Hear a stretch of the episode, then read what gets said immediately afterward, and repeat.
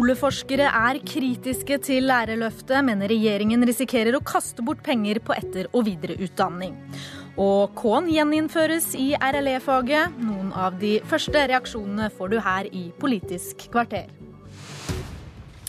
Først altså til regjeringens storsatsing, nemlig bedre lærere. I dag har vi hørt på nyhetene skoleforskere som sier at man vet lite om effekten av etter- og videreutdanning av lærere. Og utdanningspolitisk talsmann i KrF, Anders Tyvand, i neste års statsbudsjett så settes det over en milliard kroner til dette. Vil dere gi støtte til det? Ja, jeg mener at det er helt riktig å bruke penger på etter- og videreutdanning av lærere. Eh, det er viktig, og vi var med på et løft, i et løft etter- og videreutdanningen i fjor. Eh, men jeg vil advare mot å tro at etter- og videreutdanning av lærere kan løse alle de utfordringene vi har i skolen. Eh, og det er litt sånn jeg opplever at denne regjeringen tenker. Uansett hva utfordringen er, så er svaret at vi trenger mer kompetente lærere. Mer etter- og videreutdanning, lærere på masternivå osv. osv. Eh, jeg tror at veldig mange av de utfordringene vi har i skolen, ikke handler om at lærerne ikke er kompetente nok, men det handler om rammevilkårene rundt lærernes arbeidshverdag. Men spørsmålet var, vil dere gi støtte til det, nå når dere skal begynne å forhandle om eh, neste års statsbudsjett? Ja, Vi kommer også til å sette av penger til etter- og videreutdanning av lærere i vårt uh, alternative budsjett, men vi kommer til å ha en annen hovedsatsing i skolepolitikken, en annen hovedprioritering i skolepolitikken. Og hva er den? Det er at vi uh, ønsker å gi lærerne mer tid til hver elev. Vi vet at tre av fire lærere i grunnskolen sier at vi har ikke tid nok til elevene våre. Da er det heller ikke så lett for, uh, for lærerne å følge opp elevene godt nok og tilpasse undervisningen godt nok. Og hvordan skal dere gi den tiden til lærerne? Ved å øke lærertettheten i småskolen. Få eh, flere lærere inn på de laveste klassetrinnene. Finnes det forskning på det? At det har noen effekt? Eh, ja, det gjør det. Eh, det finnes også forskning som viser at det eh, ikke har så god effekt, men her er det veldig ulikt hvordan forskningen er lagt opp. Men det vi vet, er at dette har gode resultater på det å utjevne sosiale forskjeller i skolen, og det har positiv effekt for de elevene som er faglig svake, de som har kommer fra hjem med lav sosioøkonomisk status og barn og, med innvandrerbakgrunn. Og så må jeg spørre til slutt, altså, Hvor høyt kommer du til å kjøre dette i forhandlingene om budsjettet? Hvor viktig er det for dere? Ja, eh, Nå har ikke KrF lagt fram sitt eh, alternative budsjett enda, og Vi jobber jo nå internt med hvordan vi skal legge opp denne budsjettprosessen. I første omgang så skal vi legge fram vårt alternative budsjett, og der kommer dette til å bli en stor satsing fra KrF sin side.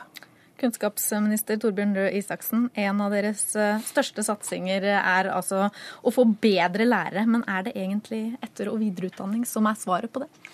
Etter- og videreutdanning er jo så mangt. Men det er et veldig tydelig funn i forskningen. Det er at av de faktorene som vi kan gjøre noe med, så er læreren det aller viktigste for elevenes læring. Og da er det, for å si det litt grovt sett, to deler av det. Det ene er da læreren som lærer og formidler pedagog. Det dreier seg om klasseledelse, lag på skolen, hvordan vurderingspraksisen er lagt opp. Og så er nummer to er fagligheten. Og denne regjeringa er også opptatt av faglig sterke lærere. Og for å ta et litt uvitenskapelig poeng Hvis det var sånn at eh, faglig fordypning ikke hadde noe å si, så er jo det det samme som å si til alle lektorene i norsk skole f.eks., som har hovedfag eller mastergrad, at det har ingenting å si at dere har tatt fordypning i matematikk eller hovedfag i matematikk. Dere kunne like godt bare hatt videregående skole Men nå hører vi forskere si at man vet ikke om etter- og videreutdanning på 30 studiepoeng, da, som dere ønsker å gjeninnføre, eller vi, å innføre, er, er svaret? Ja, og Det er, det er litt, litt upresist, mener jeg. Det er godt dokumentert at det er en effekt av fordypning, faglig fordypning, og elevenes læring. Men den særlig, kommer kanskje litt langt ned nei, på lista? Særlig i matematikk. Men så er det helt riktig at hvis du bare har faglig fordypning, altså for å sette det litt på spissen Hvis du er en lærer som har masse vekttall i matematikk, men er en kjempedårlig pedagog, så lærer ikke elevene mer av det. Så du er nødt til å jobbe både med klasseledelse, vurderingspraksis, bygge lag i skolen, sterke faglige fellesskap og den faglige fordypningen. Og Grunnen til at vi har satset på faglig fordypning nå, er for det første fordi at vi ser at f.eks. én av fem matematikklærere ikke har fordypning i faget de jobber med. Og fordi at dette er en av de tingene som vi mener forrige regjering ikke satset på, mens vi har store satsinger på f.eks. klasseledelse. Syvan. Ja, eh, jeg mener også at faglig fordypning er viktig og kan bety noe. Men jeg tror ikke at det er svaret på alle utfordringer. Og det som er hverdagen for veldig mange lærere i grunnskolen i dag, det er at de står alene i klassen klasserommet har ansvaret for 25 sjuåringer, og disse elevene er veldig forskjellige. Noen av de har spesielle læringsutfordringer og trenger at læreren har litt ekstra tid til dem. Mange av de er midt på treet, og noen av de er veldig flinke. Da er det vanskelig for den ene læreren som har ansvar for disse 25, å kunne følge opp hver enkelt godt nok og tilpasse undervisningen godt nok. Og da mener jeg, da blir det feil å hele tiden si at svaret er vi trenger mer kompetente lærere. Det den læreren tenker Jeg tror ikke han står i klasserommet og tenker å, hadde jeg bare hatt en mastergrad. Jeg tror han tenker hadde jeg bare kunnet hatt litt færre elever å konsentrere meg om, så jeg fikk litt mer tid til hver enkelt elev, eller kunne vi bare vært to lærere i klasserommet? Jeg, jeg, jeg, tror det er delte meninger også om dette i skolen. Eh, men jeg er også for flere lærere. Altså Vi kommer til å få flere elever i åra som kommer. Men vi trenger også flere lærere. Det jeg er skeptisk til, det er å innføre en nasjonal norm fra, fra hovedstaden som skal gjelde i absolutt alle kommuner, i alle klasserom i Norge. Hvorfor det? Jo, for det første fordi jeg mener at det fratar lokalpolitikerne enhver form for mulighet til å til å vurdere sin egen situasjon i sin kommune. Det andre er jo at det kan jo hende det er en kommune hvor f.eks. ungdomsskolen har store problemer, mens barnetrinnet går bra. Da burde man lokalt få lov til å avgjøre det.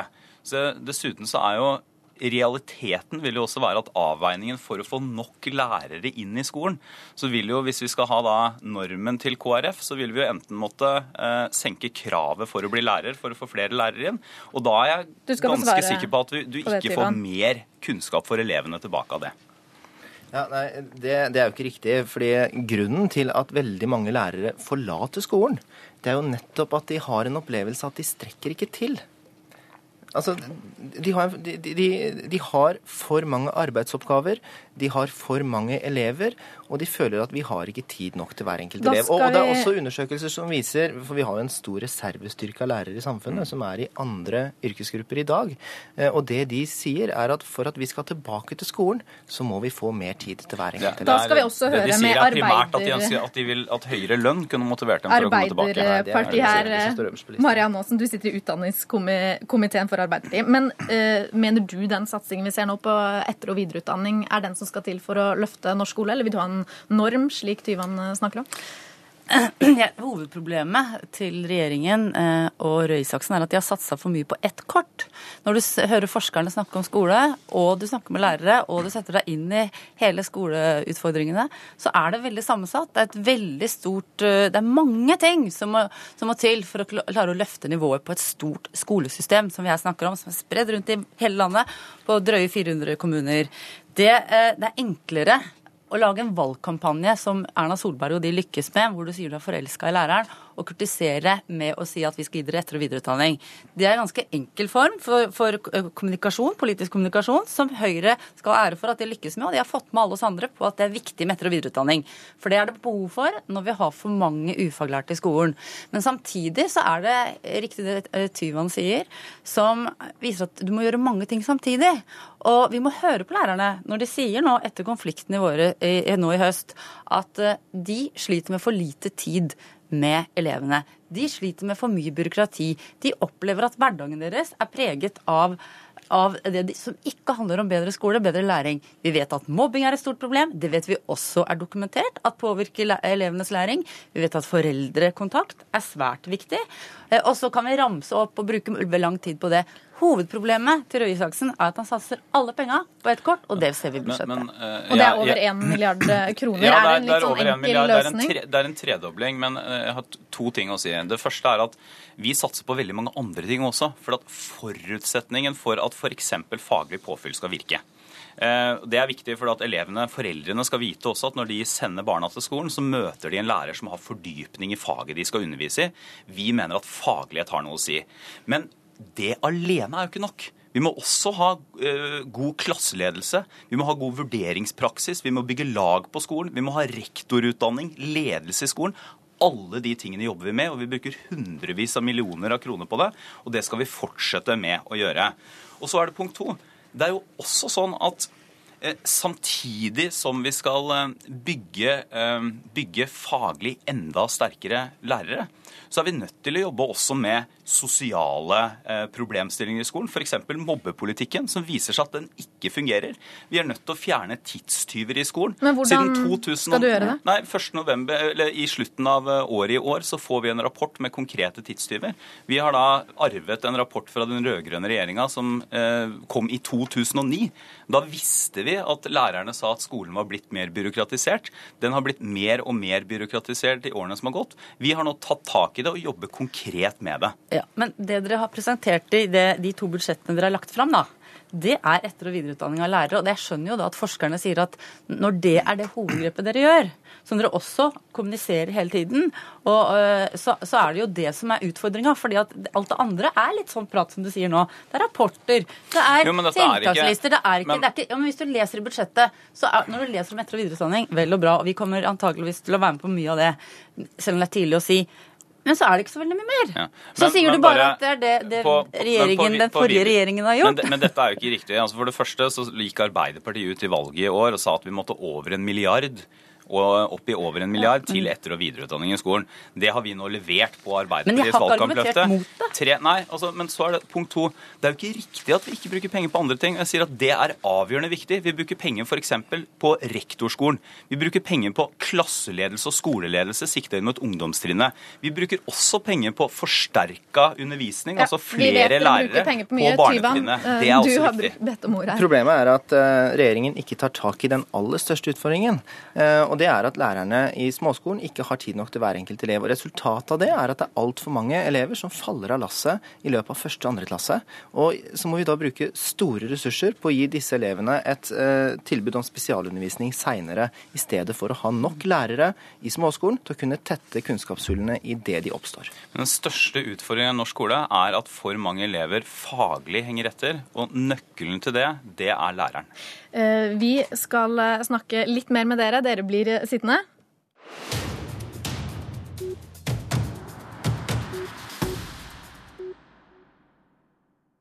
Vi må også innom en annen sak i dag. For det har til tider storma rundt religionsfaget i grunnskolen. Nå har det vært roens dag en stund, men i dag så legger du fram et nytt forslag til endringer, kunnskapsminister Torbjørn Røe Isaksen. Hva innebærer det?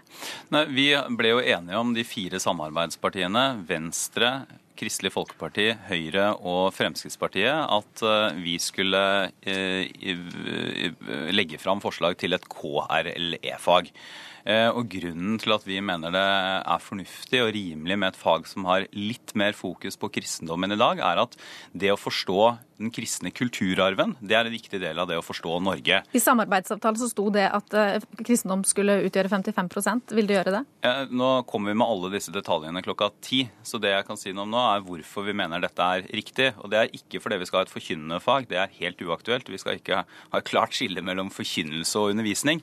Men det å ha kunnskap om hvem vi er, norsk historie, Eh, norsk eh, litteratur er eh, dels uforståelig store deler av den hvis ikke man også har kunnskap om kristendommens historie. Så det mener vi at man kan ha litt større rom for enn i dag. Og Grunnen til at det ble endra i 2007, var at det brøyt med menneskerettighetene. Er du trygg på at de endringene dere legger fram i dag, ja, ikke vil gjøre det? Vi, er, vi er, har hatt veldig grundige vurderinger, og det er selvfølgelig en forutsetning for oss at det vi legger fram, også skal stå seg i møte med menneskerettighetene. Vil dette faget inngå som en obligatorisk del av lærerutdanninga? Alle de alle de detaljene vil man få klokka ti. Jeg må vel si gratulerer til deg, da, Anders Tyvand, for å få gjeninnført denne K-en, i hvert fall som vi hører skal. NRK erfarer også i dag tidlig at, at dette faget vil inngå som en slags del av lærerutdanninga. Og ja, at det endres til å hete KRLE, som dere skrev i samarbeidsavklaringa. Ja, nå skal jo statsråden ha en pressekonferanse klokka ti, og der kommer alle detaljer til å bli presentert. Men vi har hatt en god dialog eh, med eh, Røe Isaksen og departementet i i etterkant av avtalen i Nydalen. Og jeg opplever at de intensjonene som lå til grunn for den avtalen, er veldig godt oppfylt. Da takker vi for i dag.